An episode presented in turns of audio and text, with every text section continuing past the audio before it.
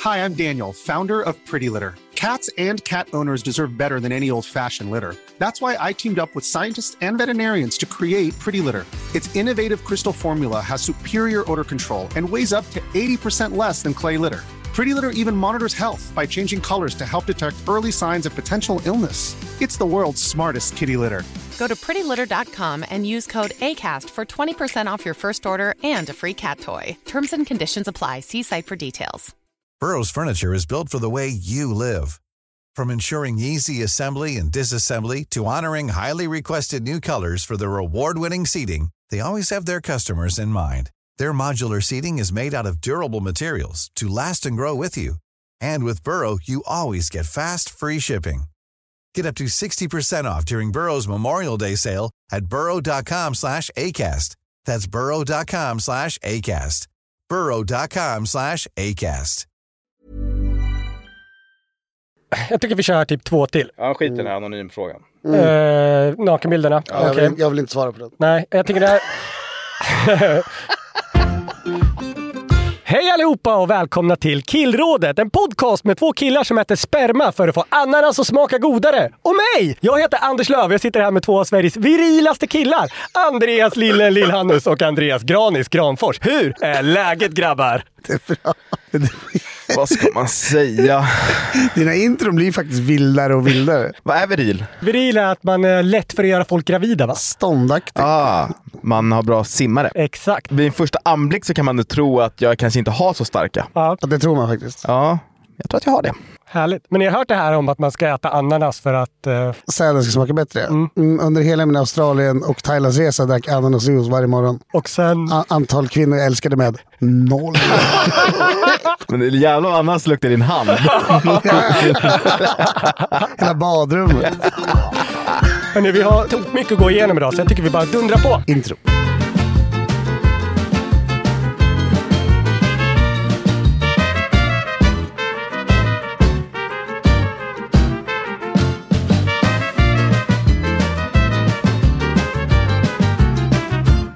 Det har ju stormat en del kring Spanien och framförallt den spanska fotbollsordföranden Luis Rubiales, som jag tror att man säger. Jag är ju i Mallorca en hel del va, så jag har ju koll på de spanska uttalen. Fläckfritt. Mm. Men det var ju en otrolig prestation av Spanien under sommaren när de tog sitt första mästerskapsguld i fotboll på damsidan någonsin. Men det har ju liksom till 100% överskuggats av vad Luis Rubiales gjorde efter finalen. Många har hängt med väldigt bra i det här. Det här har varit en extremt stor händelse de senaste veckorna. Men jag tänkte ta det i kronologisk ordning så att alla verkligen hänger med i de turerna som har varit och liksom allt som verkligen har hänt. Och det är ju mycket, väldigt mycket är det som har hänt. Allting börjar då den 20 augusti. Spanien vinner ett historiskt VM-guld och när Jennifer Hermoso, jätteduktig spelare, går för att hämta sin guldmedalj så tar Rubiales tag om hennes huvud och kysser henne på munnen. Alltså det är så Det är så jävla jävla offensivt. fucked alltså. Det var även prat om att eh, han ska ha daskat till några av spelarna på rumpan. Eh, Eller var det ryggen? jag vet inte. Men Svårt att veta vart det ena slutar och det andra börjar. Ja, men exakt. Och det är liksom den kulturen. Liksom, så här, vad fan måste vi få... Alltså är det sportkulturen eller den spanska Den kulturen? spanska kulturen. Ja. Alltså, de är ju offensivare där, generellt. Ja. Jag läste att de fick en samtyckeslag förra året.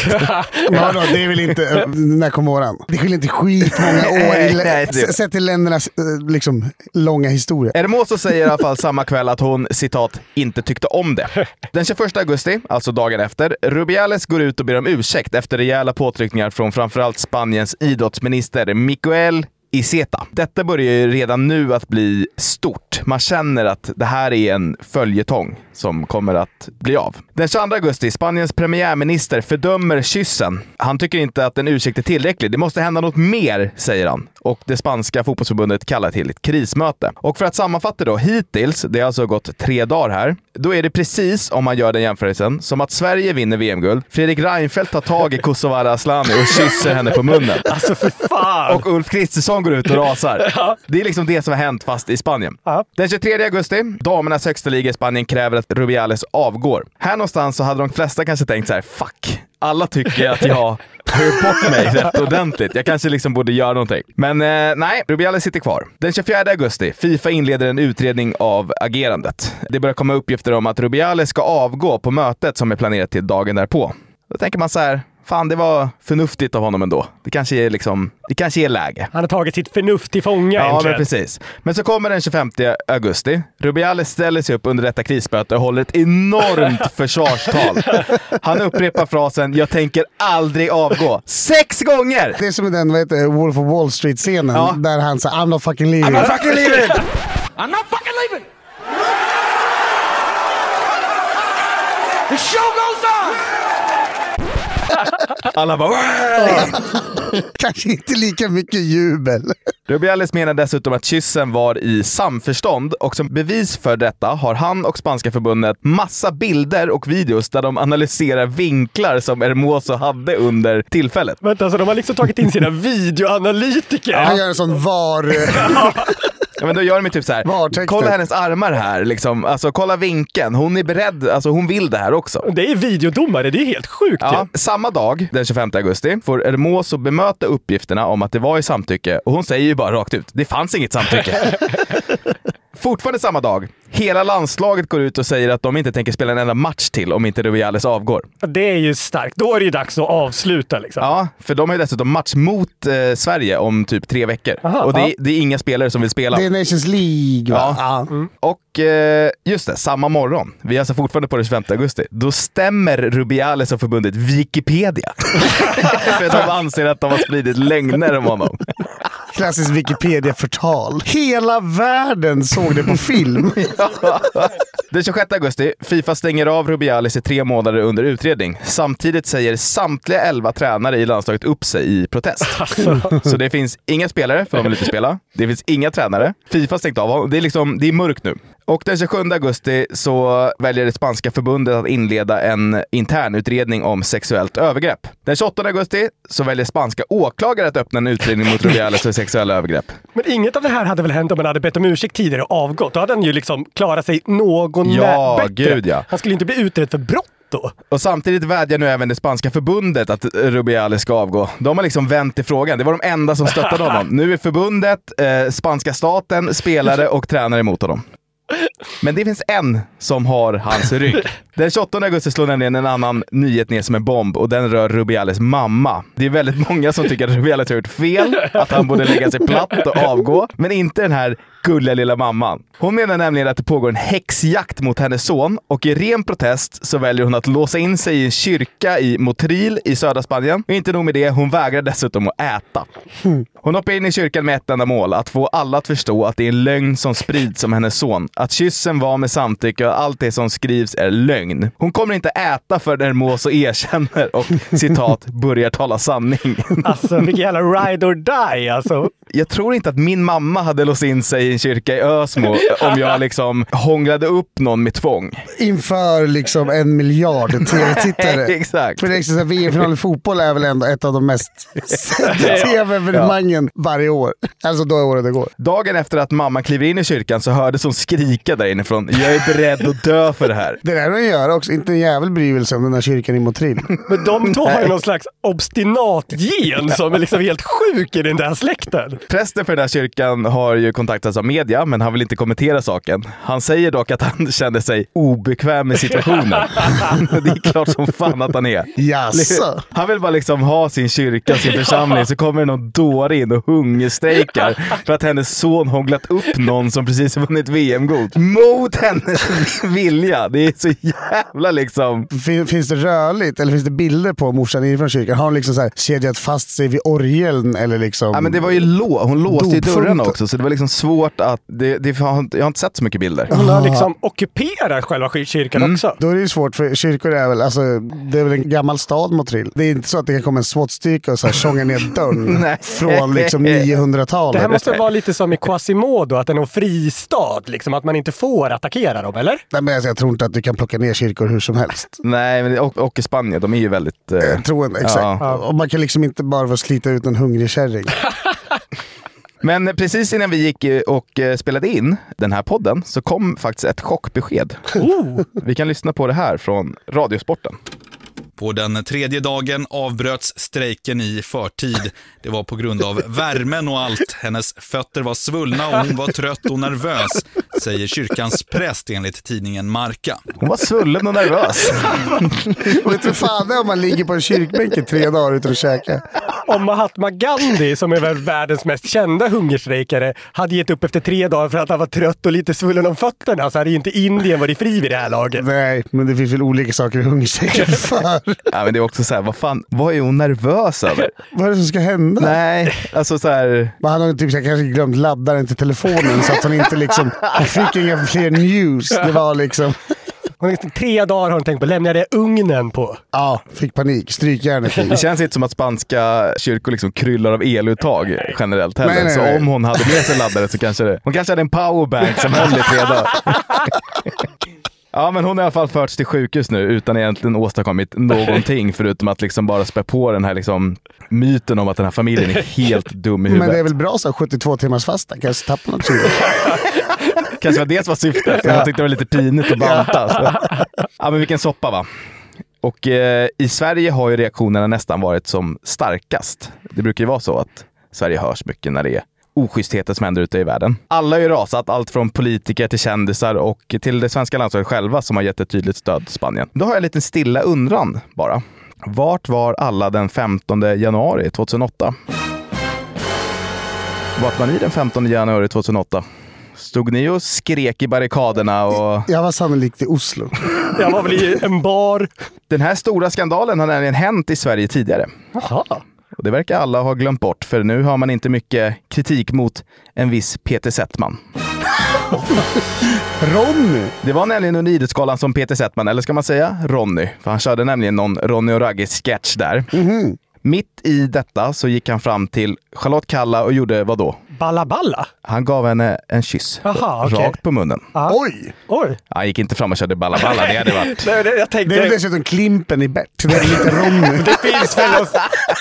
Det finns ju ett samband där. Men du Lillen bara, alltså Ronny och Ragge, är du för ung för att växa upp med dem? Lekte ni Ronny och Ragge på skolgården? Vadå lekte? Det har ingen gjort.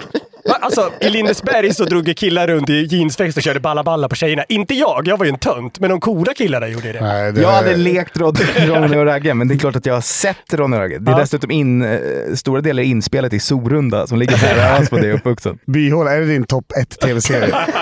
Byhåla, Last of Us. Ja, men det var ju ett tag när man gick och slog ni vet, så här, handen emot. Där, så här, vad fan? Ja. ja, men det här var ju inte stageat då. Charlotte Kalla visste inte att det skulle hända. Och eh, det skedde ändå under bästa sändningstid. Vi kan lyssna på det som händer. Det är ju liksom en podd här, men jag tror att det framgår. Kan du vända på datorn så att vi som sitter här får se i alla fall? Absolut. Och eh, det händer ju då efter att Ronny gett Kalla en medalj som i själva verket är en Wunderbaum med ett snöre på.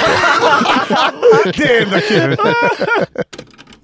Den kanske inte är lika heavy som dina tidigare medals, men den luktar fan mycket fräschare fan.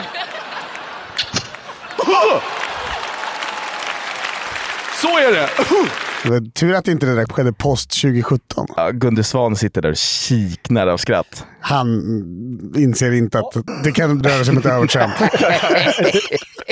Gunde Svan var inte nära att ställa sig upp och säga app, app, app, app. Nej, nej, nej. Har Gunde Svan tänkt en politisk tanke i hela sitt liv? Ja, men jag tror han brinner mycket för skog och sådär. Gud, vad alltså, han tråkigt. äger, Ah, han alltså, äger na- väl väldigt na- Ah. mycket skog. natur. Ja. Alltså, jag vet inte vad ni tycker, men är inte det här värre än det Rubiales gjorde? Det ser ju grövre ut för han går ju in för en... mycket- Alltså, som sagt, det här är inte ett bildmedie, men det det man ser då är alltså Peter Settman som verkligen lutar sig in, tar tag med båda händerna om hennes huvud Mm. och ger en puss på munnen. Är det en puss på munnen eller är det en sån där teaterpuss? Det är en eh, puss. Okej, ja. Det är en riktig puss. Charlotte Kalla var vid det här tillfället 21 år gammal. Det är alltså ett övergrepp mot en väldigt ung person. Ronny var ju också en riktig snuskhummer. alltså det blir lite som att bli attackkyst av Hagamannen. Nu! Eller? Ja men vadå, Ronny var ju inte, han var ju inte fräsch. Alltså karaktären Ronny. Ja. Nej, nej, nej. nej. Alltså det är ju det ändå det man får gå in med här ju. Att det är inte Peter Settman, det är Ronny.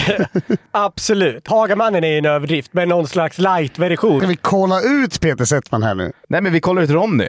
Ja, okej. Karaktären Ronny. Ja, exakt. Men, Rannsaka dig själv. ja, men Rubiales kyss var ju dessutom, den var ju liksom ren eufori. Liksom. Herregud, vi har vunnit VM-guld. Han är överlycklig här. Kom hit så ska jag ge dig liksom en grattispuss.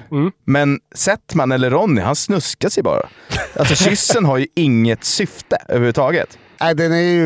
Han har ju redan gjort sin grej med sin Wonderbound och allting, så liksom grejen är ju slut. Ja, Sketchen är över. ja. precis. Han behöver ju inte kyssa henne. Alltså det är illa som det är, men det blir faktiskt ännu värre. Okej. Det här får liksom ödesdigra konsekvenser på ett sätt som Rubiales inte har fått. Mhm. Jag är ju någon typ av sportjournalist vid sidan av den här podden och jag vet ju hur skidåkare är. Alltså om man är ute och träffar dem, då får man knappt skaka hand med dem. Alltså Nej. för de är så himla rädda att åka på förkylningar och bli sjuka. Just det. Den här galan var ju mitt under säsong, alltså i januari. Det är ju liksom prime time. Mm. Och eh, mycket riktigt så blev Charlotte Kalla sjuk. Va? Hon missade den kommande helgens tävlingar som var i Kanada. Och om Peter Settman var ångerfull över detta, alltså glöm det. Han säger så här, den kopplingen är svår att göra, men jag borde givetvis varit mer försiktig med vem jag pussade på munnen. Tänk om jag blir sjuk nu? Och Tänk om han blir sjuk! Vad spelar det för Ja, roll? Han lägger alltså över det. På henne! Ja. Aftonbladet frågar, det är ingenting du ångrar? Då svarar han, nej, tvärtom. Hade jag fått chansen igen så hade jag tagit den. Men vad tråkigt för henne. Alltså vad sjukt! 2023 kallar vi väl det här för victim blaming. Vilket år var det här sa du? 2008. Alltså det har hänt en del sedan dess. Hon är ung här, men hennes karriär, hon var, har väl nästan aldrig varit bättre än hon var de åren. Hon var helt sanslös 2008 till 10 typ. 2008 det var då hon vann eh, Tour de Ski. Ja, exakt. I en annan intervju med Resumé, där får han höra att Charlotte Kalla till och med går på penicillin. Och då förvandlas han till en riktig snubbe som kan allt. Ah, ja, men då är det inte jag som har smittat henne. Så mycket kan jag säga. Det krävs nämligen tre dagar för att en bakterie ska smitta. Jag lutar mig åt läkekonsten i det här fallet. Alltså det var ju en annan tid, 2008. Allt var ju okej och det var innan metoo och innan det var olagligt att vara heterosexuell. Allt det där. Men ändå, här hade man ju velat haft liksom lite storm. Ja men verkligen. Mer frågor om vad Charlotte tyckte, inte om hennes liksom, eventuella förkylning. Hon har ju sagt det nu många år efteråt att hon kanske tyckte att det var inte så himla okej. Ja. Tycker fortfarande att Zätman har kommit lite lindrigt undan. Ja, han står i något doobidoo eller någonting. Ja, men han är ju jätteframgångsrik. Sveriges rikaste kändis. Ja, Säljer vapenexportsystem och sådär. ja visst är det så? Ja, det är han. Mm. Men här hade man ju velat att Kalla och skidlandslaget rasade lite. Wolfgang Pichler måste stå på barrikaderna. här. Vad sjukt sagt. Varför Ja, då? det är skidskit. Ja, men, ah. Skidor och skidor. Man hade ju kanske velat att de eh, krävde hans avgång från SVT.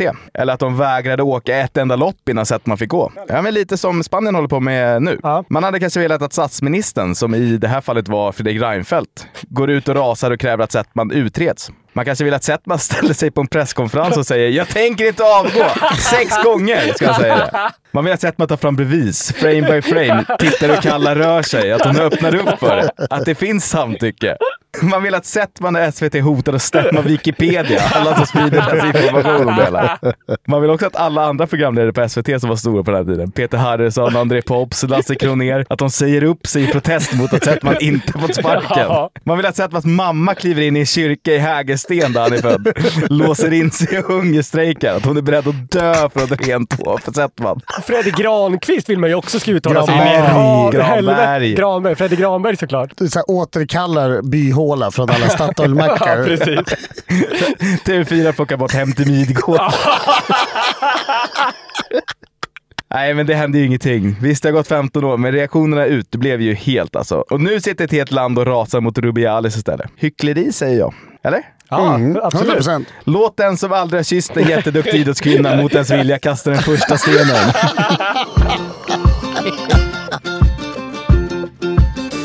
Förra veckan var vi inne lite, eller jag var inne på det här med Lasermannen och vilket sensationellt liv han ändå levde. Lever den goda John Ausonius. Gammal nu va? Ja, han är 70, han är född 53 om jag inte missminner mig. Man skulle kunna tänka sig att han var en 56a. Att han var liksom en av de kända 56orna.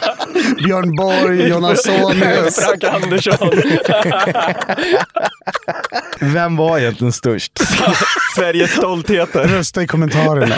Ja, förlåt. Fortsätt. Nej, men jag snöade in på det här och tv-serien liksom boken tar ju slut när han är fängslad. Men han har ju inte på något vis gått bort.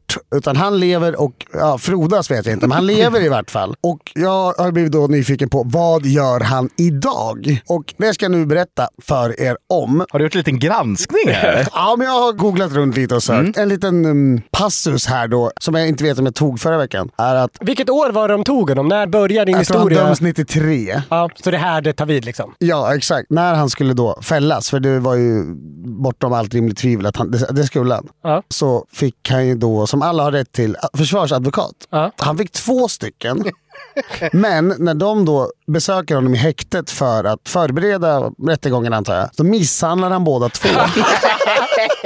Skoja! Nej. Jävla galning alltså! Det som händer då är att de givetvis säger upp sig. De lämnar uppdraget, varpå han får två nya försvarsadvokater. Och de klarar sig hela vägen till rättssalen, men där misshandlar han dem också, båda två, inför hela rättssalen och får sedan under återstoden av rättegången bära handklovar. Fan, det är, det är för bra för att vara sant. Eh, Han har då hattat runt mellan olika anstalter i vårt avlånga land, men just nu, som jag har förstått det, så avtjänar han sitt straff på anstalten Karlskoga. Den har liksom inget namn, den heter bara anstalten Karlskoga. Osexigt namn. Verkligen. Kanske borde så här privatisera det och sälja, som, som jag gör med arenor. Friends Arena. Platinum Cars eh, anstalt. Han avtjänar ett livstidsstraff och det verkar ju inte som att han kommer komma ut ur fängelset. Vad synd. Och om han nu gör det så antar jag i alla fall att då är det väl enkelbiljett till Sankt Görans, alltså psykavdelning. Ja, alltså f- frisk är han ju inte. Nej, han har ju ansökt om tidsbestämt straff men har ju fått- då fått avslag. Och 2021 gjorde Rättsmedicinalverket och Socialstyrelsen rättsliga råd, är det tydligen som beslutar. De bedömer att John Ausonius har autismproblematik och inflexibilitet. Och när man sätter dem i relation till hans brottshistorik utgör han en betydande riskfaktor. De bedömer också att han har en konkret och beaktansvärd risk för återfall i brottslighet av allvarligt slag. Om de skulle släppa honom fri. Så det- Men autismproblematik? Som jag har förstått det så är han ju någon typ av paragrafryttare i fängelset. Där han dagligen liksom skriver brev och annat till liksom fängelseledningen om vad som är fel på anstalten. Ah, typ Hagamannen ställde inte in tallrikarna i Ja diskmaskinen men, ja, men igår. typ. Alltså, han är någon typ av rättshaverist. Fast på kåken. Katastrofen var granne med Lasermannen. Jävla jobbigt alltså. Men alltså autism, jag förstår att det kanske leder till att han är någon slags paragrafryttare på fängelset. Men vad gör det i det verkliga livet att han har autismproblem? Eller, Alltså skjuter han invandrare för att han har, han har någon slags autistisk tvångstanke? Jag vet, inte, han kanske inte känner någon ånger. Jag vet inte. Ah, alltså, okej. han, han har väl svårt att läsa av en situation. Ska jag skjuta den här invandraren eller inte? Nej, men jag vet inte. Är det lite som att det är hans modellplan eller legosamling Exakt, liksom? vi, vi håller på med som flaggskepp. Han skjuter invandrare. Hans lägga pussel. Ja, men precis. Vad gör han då på kåken förutom att skriva brev till ledningen? Han har då läst in en högskoleexamen i, trumvirvel, återvinning. Han verkar ha utvecklat ett extremt intresse för miljö och klimat. Mm. Men Greta Thunberg är väl också autistisk, va? Eller har jag fel där? Hon är väldigt autistisk tror jag. Ja, men precis. Finns det någon koppling här att vara autist och gilla miljön? Det Micke? finns det. Han är nämligen en stor beundrare av Greta Thunberg. Är han det? Va? Vilket ju jag tycker i alla fall är lite motstridigt med tanke på hans politiska hemvist kontra Gretas. Ja, det känns som att man skulle kunna vara riktig Greta-hatare. Ja, men så ser det inte ut. Utan han skriver nämligen på en bok just nu om klimatet. Oj. Enligt eh, Nyhet 24 tror jag det var, eh, skriver. Man är sugen på att läsa såklart. Ja, det blir ett köp. Men eh, han, för jag gissa bara att han liksom kanske, alltså de har inte riktigt samma väg fram till att nå klimatmålen, han och Greta. Nej, detta får vi väl läsa mer om i boken. Alltså för jag gissa så handlar det väl om att han, han kanske vill döda av några människor. Ja, vill kanske radera en kontinent eller Ja. två som inte är Europa. Jag tycker jag påminner lite om, eh, ni vet, eh, Thanos i Marvel-filmerna. Ja, just det. Den här lila... Ja, eh, s- han vill ju döda hälften av alla levande i universum Ja. för att återställa balansen. Det är för många. Liksom. Så tror jag att alltså, Lasermannen älskar Marvel-filmerna. Liksom. Jag tror inte han har sett dem, men han borde fan Ja, göra det. verkligen. Vilka kontinenter gissar vi på att han vill ha bort dem? Asien och Afrika ligger pyrt till om Lasermannen får världsherravälde. Det är inte så att vi tar bort Norden och Tyskland. Norra Europa först. Man får ju ansöka om att få saker skickat till sig i fängelset. På Lasermannens lista står det C-vitamin, Revaxör, som väl är sånt som man rensar öronen med. Ja, det är det. Kryddor, havregryn, russin och honung. Det vill han ha in på kåken. Kryddor. Dessa ansökningar avslogs.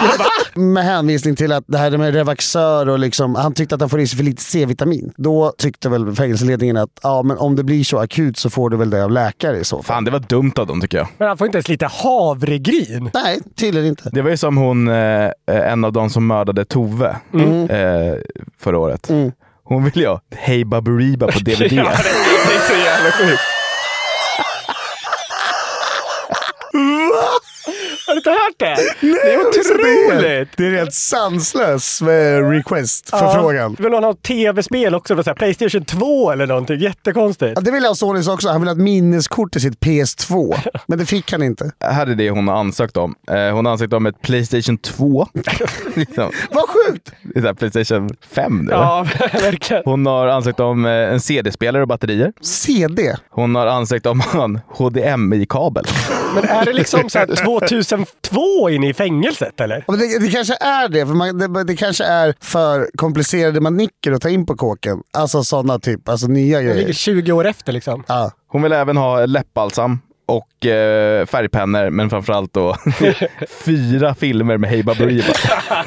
Allt bifalldes dock. De var snällare mot henne. Ja. John Ausonius, hur ser han på sig själv och sina dåd idag? Undrar man givetvis. Och eh, angående bankrånet så säger han så här 2022 i Expressen. Det var inte så svårt att gå in och hämta pengar på en bank på den tiden.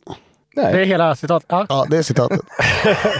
Han verkar inte tycka att han gör något fel. Nej, det var deras fel att det var så lätt. Ja, eh, angående sina dåd, då, de här skjutningarna mot ehm, utomnordiska medborgare, så säger han “Jag är inte någon högerextremist” och han hävdar också att han aldrig haft synpunkt på hudfärg eller bakgrund eller varit främlingsfientlig. Men han säger också senare i intervjun “Jag ratade invandrare kraftigt” och på frågan om varför han tyckte om partiet som drevs av Bert Karlsson och Ian Wachtmeister, Ny Demokrati, så säger han “Jag höll med om deras åsikter en hel del”. Men han har aldrig haft synpunkter på... Han är lite snurrig va? Ja, det får man väl lov att säga. Om man tycker att man har mycket röster och demoner i sitt huvud så kan man nog tänka att John Ausonius har det inte enklare. Det är det som vi, vi brukar säga när folk frågar oss typ så här, om vissa frågor i podden. Att om man behöver säga “jag är inte högerextrem”, då är man nästan alltid högerextrem. Ja, någonstans där verkar väl John Ausonius fortsatt befinna sig. Mm. Det kanske är bra att han inte släpps ut då, eller? Ja, det får man nog lov att säga. Men han är inne i någon slags rebrand från liksom högerextrem till miljöaktivist. Ja, och det är väl en resa få högerextrema gör. Jag har svårt att se liksom så här, Erik Almqvist och flytta hem från Ungern och sätta sig på Essingen och liksom blocka en väg. Limma fast händerna. Det var väl två killar som var ekonazister här för två år sedan som planerade terrorbrott? Va? Ja. Ja. Det var två liksom, typ tonåringar som hade träffats på någon så här flashback eller någonting. Som planerade att spränga någon mjölkfabrik i nazismens tecken. Jewelry isn't a gift you give just once. It's a way to remind your loved one of a beautiful moment every time they see it. Blue Nile can help you find the gift that says how you feel and says it beautifully with expert guidance and a wide assortment of jewelry of the highest quality at the best price. Go to BlueNile.com and experience the convenience of shopping Blue Nile, the original online jeweler since 1999. That's BlueNile.com to find the perfect jewelry gift for any occasion. BlueNile.com. Burrow's furniture is built for the way you live. From ensuring easy assembly and disassembly to honoring highly requested new colors for their award-winning seating, they always have their customers in mind. Their modular seating is made out of durable materials to last and grow with you. And with Burrow, you always get fast, free shipping. Get up to 60% off during Burrow's Memorial Day sale at burrow.com slash ACAST. That's burrow.com slash ACAST. burrow.com slash ACAST. Vi är som vanligt sponsrade av våra vänner borta på Hyper och vi vill inleda med att säga stort grattis till alla som ryggade trippen förra veckan. Det är ju så att vi eh, släpper ett speltips här varje helg och efter några veckor i rad med stolpe ut så blev det förra veckan äntligen vinst igen. City slaktade Wolves planenligt och det var total gåshud på söndagskvällen när Liverpool krossade Tottenham. Även om det går väldigt bra för oss ibland så är det viktigt att poängtera att vi är inga experter. Man ska därför aldrig spela för pengar som man inte har råd att förlora och spelandet ska alltid vara något roligt. Nu siktar vi att gå back-to-back med vinster här och i helgen så tror vi att båda lagen gör mål i matchen mellan Norrköping och Hammarby i Allsvenskan. Vi tror också att Häcken-Kalmar går över 2,5 mål och båda lagen gör mål i den här matchen. Och så tror vi att AIK-Sirius den går över 1,5 mål. Hyper boostar det här till 4,50 gånger pengarna och i beskrivningen till det här avsnittet så finns en länk så att du kommer direkt till kupongen. Glöm inte bort att du måste vara 18 år för att spela. Regler och villkor gäller. Upplever du problem med din spelare, då finns alltid stödlinjen.se. E. Vi säger stort tack till Hyper! Hade inte nazisterna gillat va? Nej, jag tror inte. De hade nog blivit uteslutna. Ska ni hålla på och tassa i det där för? Ja. Foka på liksom... Välj lag nu! Ja men vad spännande då. Kan man få någon slags eh, liksom, collab mellan Greta och eh, Jonas? Alltså, Hon kanske ska skriva förordet i hans bok. båda har ju mycket att vinna på det. Liksom, de når ju en publik som de kanske annars aldrig hade nått. Ja, för ingen av de högerextrema eh, lyssnar ju på Greta idag. Nej, om John kan liksom såhär bara, jag vet, men lys- lita på mig. Hon är okej liksom. Hear me out. Ja, exakt. Ja, det finns en collab. Ja, Betalt samarbete med John Ausonius. Vad heter det? John Ausonius-stiftelsen. LAS-stiftelsen. Idag, alltså idag när vi spelar in, så är det den sista augusti. Och det betyder ju lite olika saker. För många är det sommarens sista dag. Men för eh, fotbollssupportrar, som eh, alla vi tre är i lite olika grad kan man väl säga, så innebär det också att transferfönstret stänger för sommaren. Transferfönstret är alltså den period under året som fotbollsklubbar köper och säljer spelare. Hur känner ni inför era klubbars transferfönster denna sommar? men det är ju en spännande dag. Jag sitter ju på nålar faktiskt. Ska AIK ta in Samuel Leachholm från BP? Kommer eh, Mo Salah gå till Saudi till exempel? Ja, intressant. Det var också 15 år sedan idag som Lotta Engberg blev programledare för Bingolotto. Det här var en sån riktig trade deadline-bomb. Lotta Engberg till Bingolotto. Ja, here we go. Fabrizio Romano. Hearing Lotta Engberg till Bingolotto.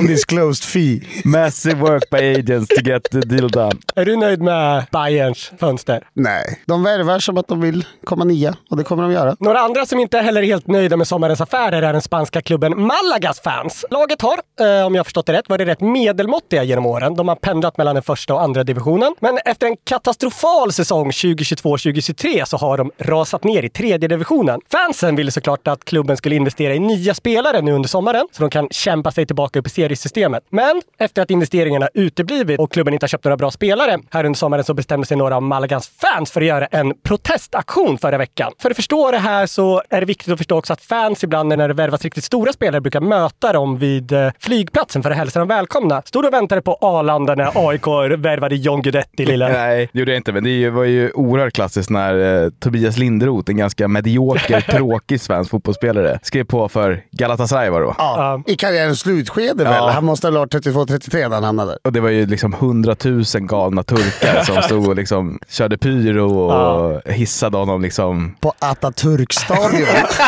i Istanbul.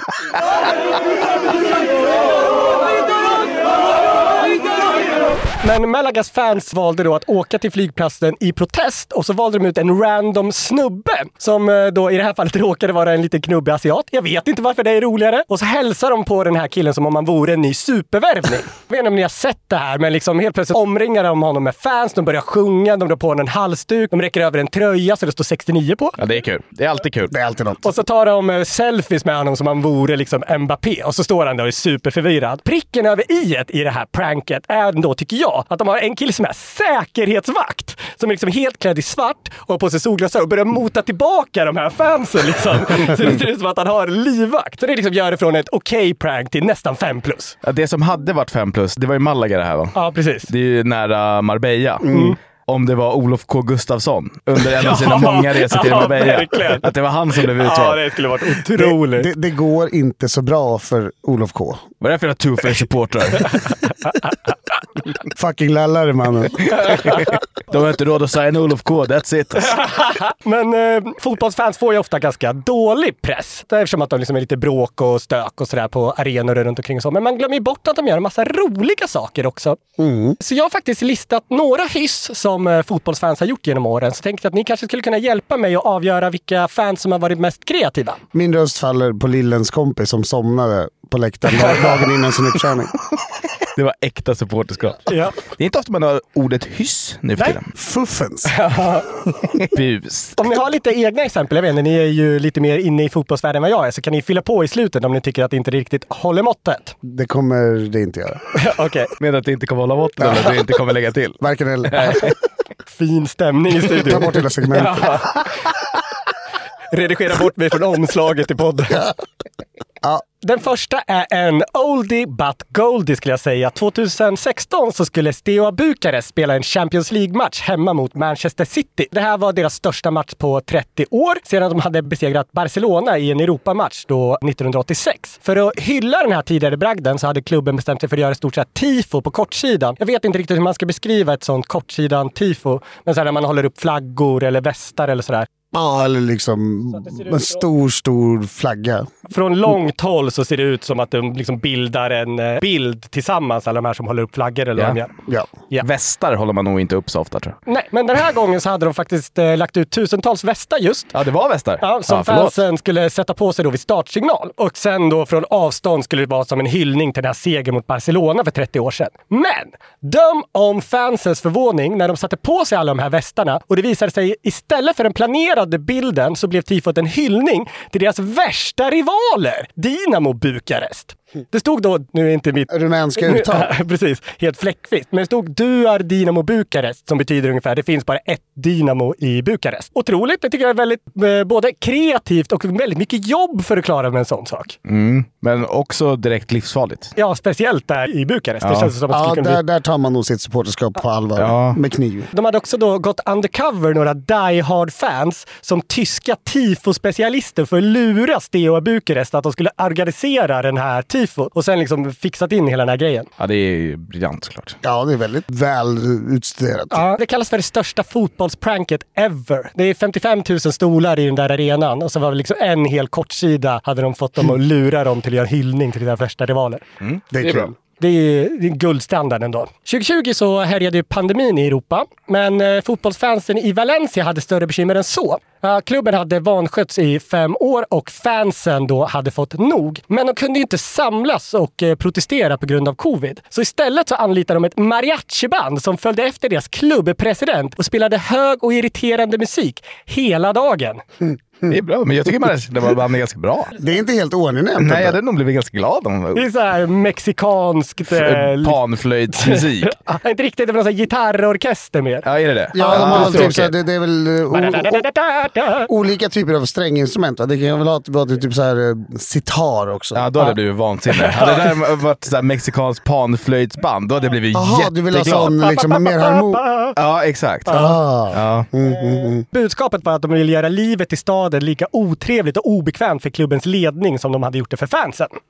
Ganska kreativt. Mm. Det är bra. Det tredje och sista exemplet som jag har, som är min favorit, eh, tycker jag är väldigt roligt, men det är kanske också över gränsen. 2009 så träffade Manchester United-supporten Stuart Slan den 39-åriga Emma från Skottland på Facebook. Efter att de hade chattat i ungefär en månad så bestämde de sig för att träffas. Stuart sätter sig så i bilen, bränner av den nio timmar långa bilfärden från Manchester till Aberdeen och sen lite, efter lite om och men i den här staden så får han till slut ett telefonsamtal som då måste ha varit något av en kalldusch. För i andra änden av luren så är det två Liverpool-supportrar som han har träffat på semester i Cancun ett par månader tidigare. Och de avslöjar ju då att det är de som har hittat på hela grejen. De har fejkat den här Emma och gjort allting och bara för att jävlas med den här Stuart för att de hade grälat om fotboll på semestern. Det är ganska starkt. Efteråt så säger Stuart så här till The Sport Bible. Det värsta var inte att jag hade kört nio timmar för att komma dit, utan att de fick mig att vänta ytterligare tre och en halv timme på att de skulle sluta jobba när jag var framme.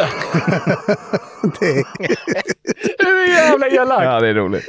Det är faktiskt briljant. Men det som jag kanske tycker var det värsta, som inte han tyckte, är väl då att han då för tillfället var gift. Och hans fru fick reda på det här och det ledde till att han skilde sig. Ja, det hade jag nog också tyckt var värre än att jag fick vänta tre och en halv timme. Ja. Det är också ett prank som går för långt.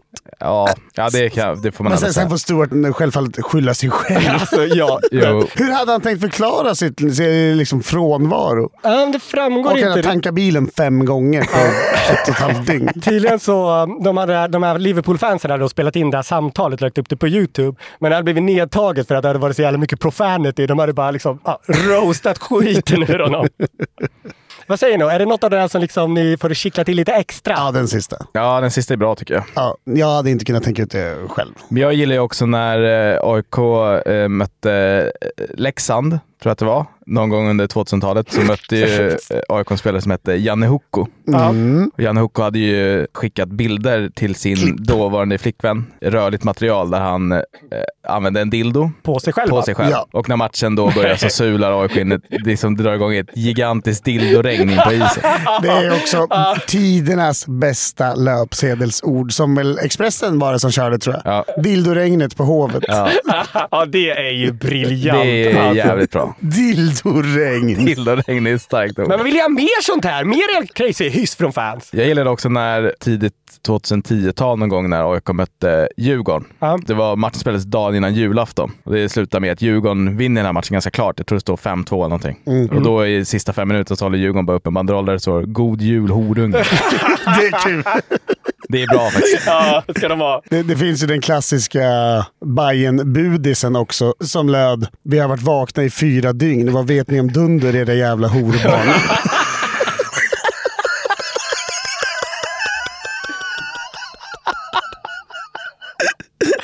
Jävla roligt.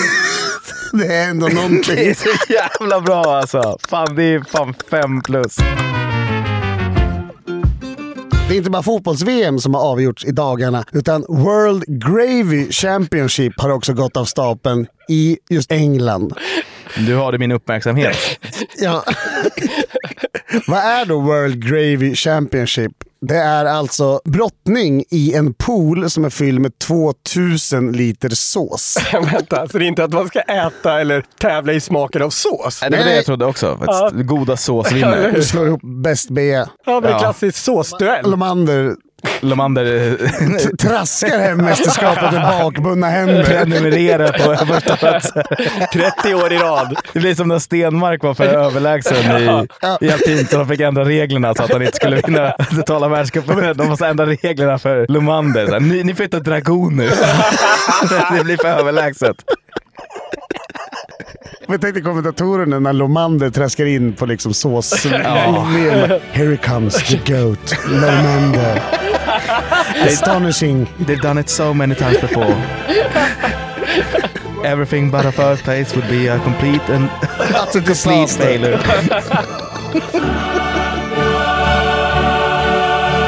Någon gång kommer liksom Lallerstedt upp och nosar där. Greatest upset of all time. Det är det jag säger. När USAs eh, hockeyherrar vinner OS-guld i Lake Placid 1980. Vad är det kallat? The Miracle on Ice? Ja. Du vet den där, den där memen när det är Peter Parker va? När han inte har glasögon på sig. Så, sa han Ja, så, just här, så är det bara en get. Så sätter han på sig glasögon så är det Lomanders ben. Exakt så.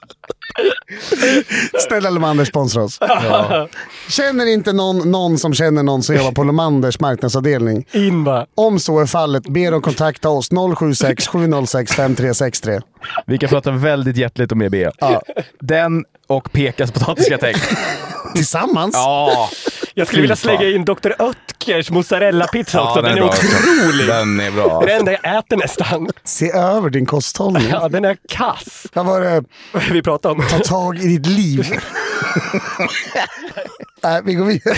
vi går vidare. World Gravy Championship är då med på listan över världens konstigaste sporter. Vilket man ju kan gissa sig till. När Men de man, brottas bara i sås. ja, 2000 liter sås i en bassäng och sen sular det ner två människor. Det hade Där. varit 800 liter kvar om jag var med och brottades.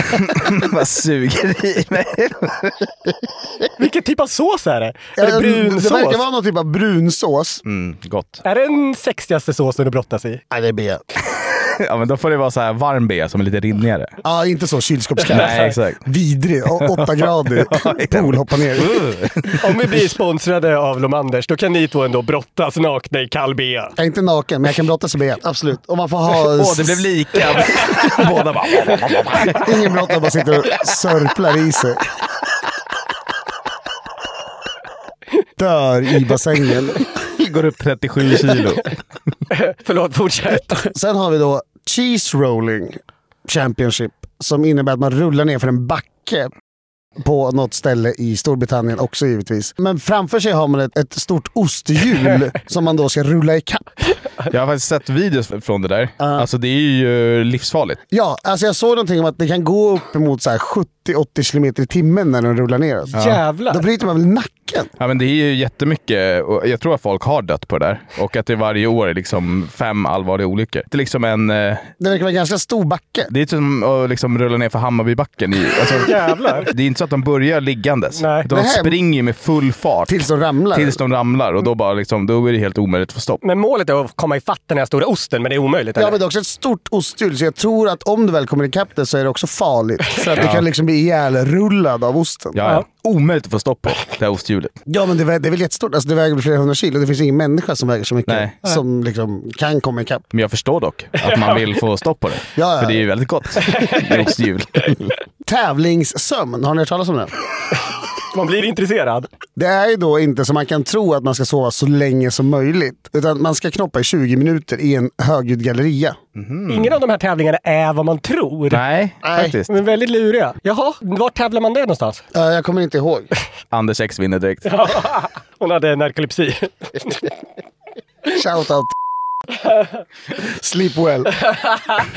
Sporten som jag verkligen fastnade för, som är eh, med på den här listan över världens konstigaste sporter, är extreme ironing. Som då på svenska blir extremstrykning. Vilket innebär att man ska ta sig till så keffa platser på jorden som möjligt och stryka sina kläder på. Aha. När jag googlade på det här så fanns det liksom bilder på en kille som står på en åkande bil med ett strykjärn. Jävlar. Keffa platser, då tänkte jag... ja, Men någon Gullmarsplan. Liksom, ja, Hammarby Sjöstad. Ingen har strukit sina kläder på. Nej, men jag Men alla tänkte någon, tjackisar på Gullmarsplan. någon soptipp i Indien. Ja, men här är också någon som har klättrat upp liksom på en bergsvägg och står och stryker. Okej. Men då är det inte keffa platser, då är det väl eh, so- alltså läskiga platser. Extremstryknings tagline är då på engelska “The latest danger sport that combines the thrills of extreme outdoor activity with the satisfaction of a well-pressed shirt”. Hörni, nu är det äntligen dags för killrådet att svara på era killfrågor. Fortsätt att skicka in frågor så det bara smäller om det. Ni kan mejla oss, ni kan skriva på Instagram och ni kan också scrolla ner lite på Spotify och där kan ni också ställa en fråga direkt i appen om ni lyssnar just nu. Den första frågan som vi fått in kommer från Jukka. Topp tre sätt att tillaga potatis. Fritera. Vad är det? Topp tre? Det är topp ett, två och tre. Stönar fram fritera. Men det måste det väl vara, eller? Eh, trea är att hasselbacka den. Tvåa för mig är att gratänga den. Och etta är att fritera den. Jag skulle säga trea potatismos. Oj! Ja, jag tycker det är så jävla gott. Ja, det är fan gott. Fan, vänta. Jag måste tänka. Och sen Eh, två hasselback och tre fritera. Så att det blir pommes eller chips, det spelar inte så stor roll. Det är att sticka ut hakan och lämna gratängen utanför topp tre alltså. Ja, det är fan sant. Oj, vad svårt. Ja, men då går nog fan gratängen in på tvåan. Tre mos, två gratäng, Ja, ett fritera. Jag håller med. Hasselbacken är... Den får fan stryka på Ja, foten. alltså. faktiskt. Det är lite svår att göra. Ja. Varför gillar ingen Peter Jihde? Frågar Svante. Lilla vänner, vill du sätta igång din... Du är filterlös. ja, men någon gör väl det. En handfull personer. Ja, och hans fru, barn, föräldrar. Niklas Ide gillar Peter Ide. Jag är inte helt säker på det. Tror du inte? Jag tror han kan- också kan störa sig lite. Ja, Men så här, rent allmänt så finns det väl liksom, folk stör sig lite på Peter Jihde. Varför gör folk det? här? Den här personen försöker väl vara in on the joke liksom. Vad är grejen? Ja, men han eh, har väl en liten liksom, självgod uppsyn och en liten övertro på hur relevant han är. Eh, jag tycker inte att han är så relevant och dessutom så tror jag inte att folk liksom bryr sig så mycket om hans sjukdom. Han överskattar nog folks intresse för diabetes. Ja, generellt. rätt rejält. Ja. Rätt jävla rejält. Men redan innan han fick diabetes, alltså när han slog igenom, det måste väl varit på 90-talet, så var det ju folk som drev med han också. Men det finns ju någon så här, det är Peppe Eng typ driver med hans frisyr. Liksom, De, han Lite- hade väl uppseendeväckande frisyrer? Vi eh, kör så det rycker hela vägen från Göteborg till Stockholm. Peppe och Billy finns på plats. Varsågod. Tack för det Peter Jihde. Vad vad är det han har på huvudet Billy?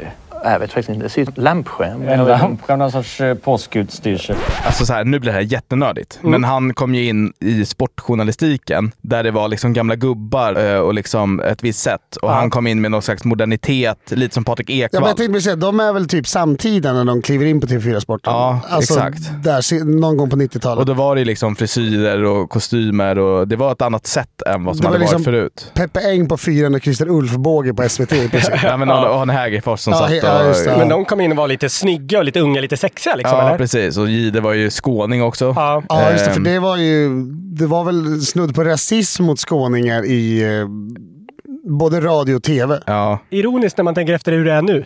För att alla från Skåne är rasister. Ja.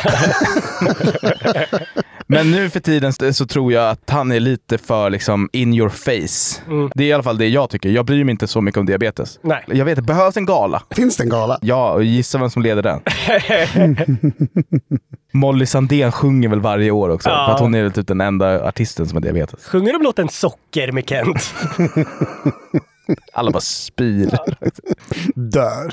Man bara hör pipet från alla de jävla apparna går, går, Ja. igång. Insulinbukacker i green room.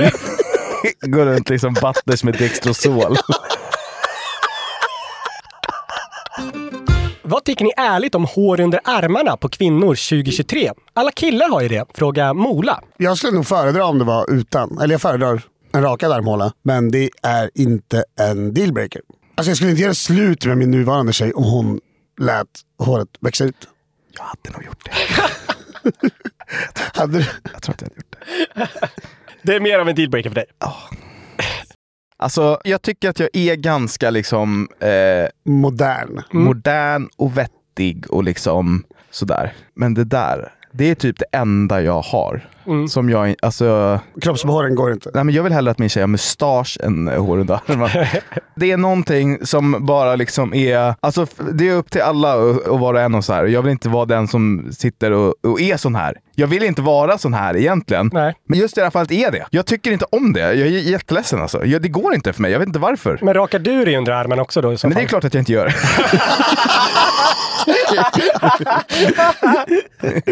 Givetvis inte. Nej, men jag gör inte det. Men eh, hade min, eh, hade min sambo velat att jag gjorde det hade jag gjort det. Alltså jag gjorde det någon gång när jag var typ 18-19 och det, det är kanske därför jag sympatiserar med kvinnor som väljer att inte raka sig under armarna. För det skavde ju något infernaliskt när det växte ut. Men det är väl lite som när man rakar pungen, man vänjer sig. Ja, kanske man gör. Gör som du vill, Mola! Ja, men jag är en äcklig människa kanske. Vad fan vet jag. Men eh, om du inte vill det och din kille är okej med att du inte vill det, då är det väl fan bara att köra. Eller gör, gör vad fan du vill. Jag kan ju inte bestämma det här. Det är en personlig åsikt, det är ingen liksom allmän åsikt. Alla ska självklart göra vad de vill, det är det där du försöker säga. Ja. Försöker rädda dig här lite. Ja, det är det jag försöker säga. Kanske det jag borde ha sagt. Om ni fick tatuera varandra hur ni ville, vad ska ni välja för tatueringar? Det frågar Henrik. Bara så jag ska tatuera er två. Ja, du får välja ett, ett motiv, eller liksom olika motiv. Då. Hakkors i pannan på lillen. Vilket eh, icke ett A-svar. Ja, men jag vet fan inte. Du är lite svårare, för du kan ju göra vad fan som helst med din kropp egentligen. Jag har ju väldigt många tatueringar. kan jag Ja, säga. alltså ingen är logisk heller. Nej. Du tatuerar en VM 94 fast du inte kan någonting om fotboll. Bara det dra på magen. Jag har eh, Cobra Kai-märke från Karate Kid, men jag har typ aldrig sett Karate Kid.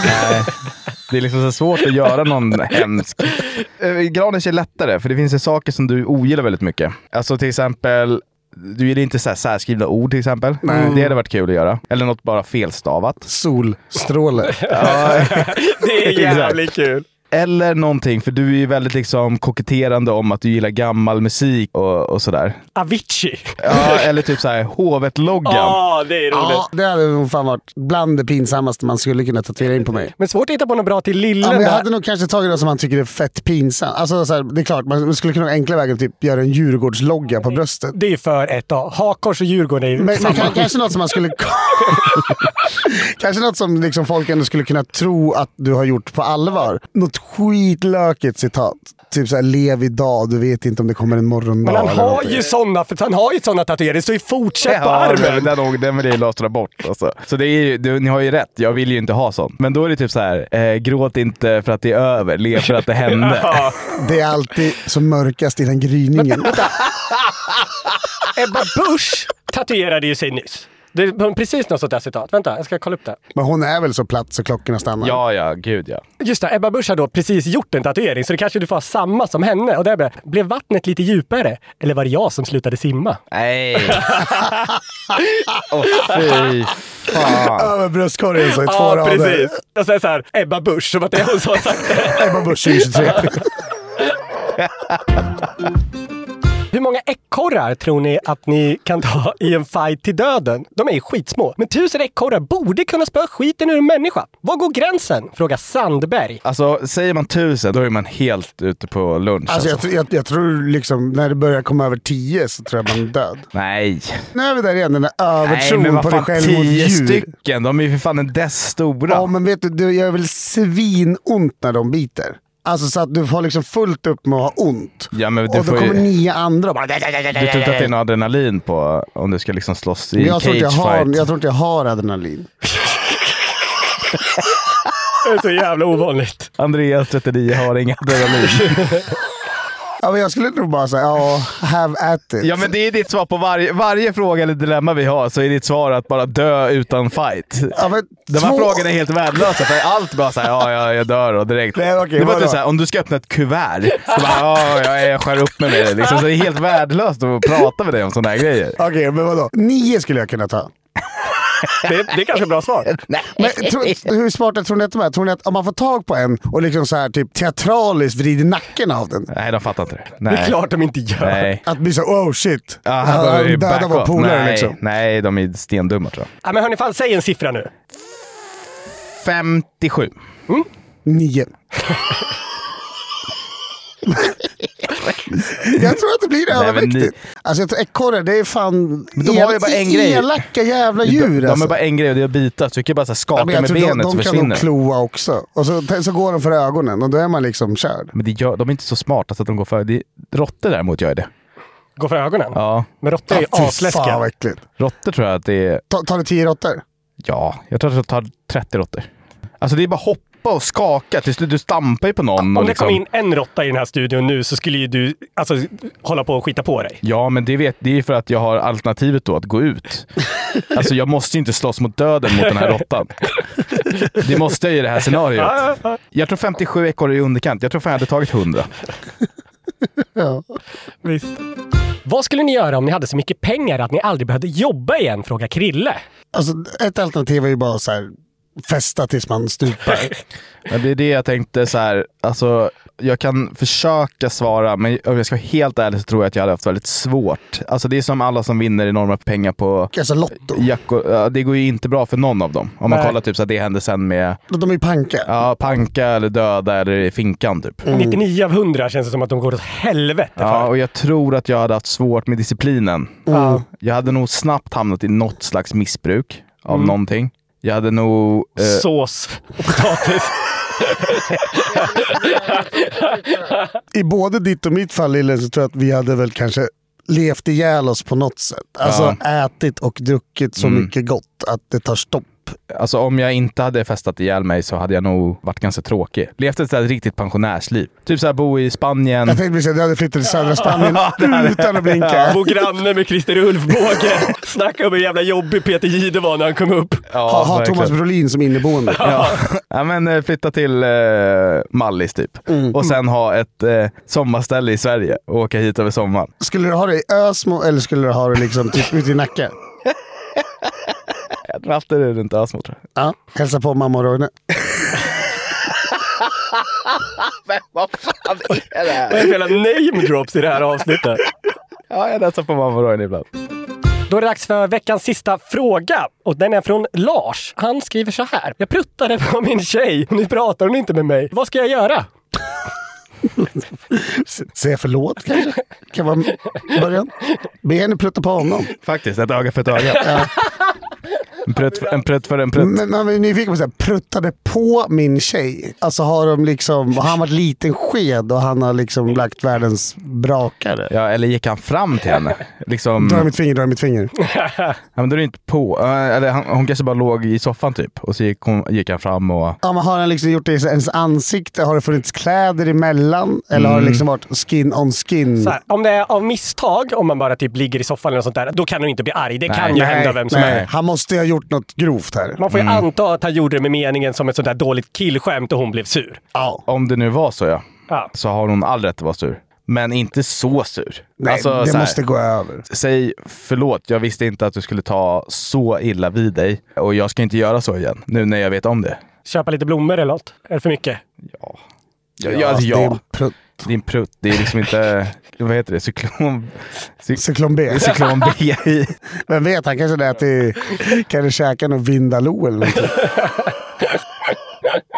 Nej, men det är väl fan. Vilket eh, urjobbigt förhållande det verkar vara. Alltså, nej, jag, jag, nu har jag ändrat mig helt. Jag tycker han ska köra fullt. Alltså, jag bävernäver på honom. Kör liksom stenhårt. Bokstavligt talat gasa igenom den här krisen. Alltså. Om det har hänt någonting i ert liv som ni behöver hjälp med, då ska ni fan inte tveka på att försöka nå oss på Instagram. Där heter jag Lillhannus. Jag heter A. Granfors. Jag heter Anders understreck LOF, L-O-F. Ni kan också mejla oss på newplay.newsnet.com. Ni får heller inte glömma att gå in på Den Skattar Förlorars Instagram där vi lägger ut grejer titt som tätt också. Och glöm inte att ge oss fem stjärnor på Spotify för det gillar vi väldigt mycket. Ni måste komma ihåg att prenumerera på podden också. Samt tipsa alla ni känner om att de ska in och lyssna på Killrådet. Vi är väldigt nära spons nu så bara några till så är vi liksom Kämpa, hemma. publiken.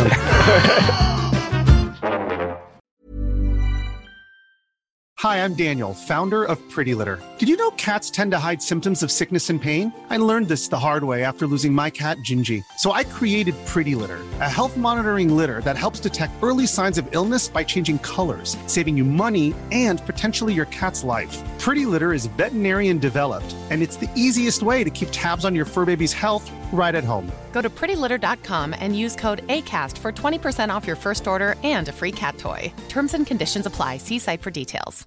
Even when we're on a budget, we still deserve nice things. Quince is a place to scoop up stunning high-end goods for 50 to 80% less than similar brands.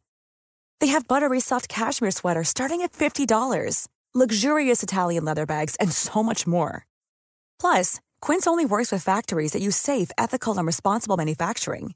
Get the high-end goods you'll love without the high price tag with Quince. Go to quince.com/style for free shipping and 365-day returns.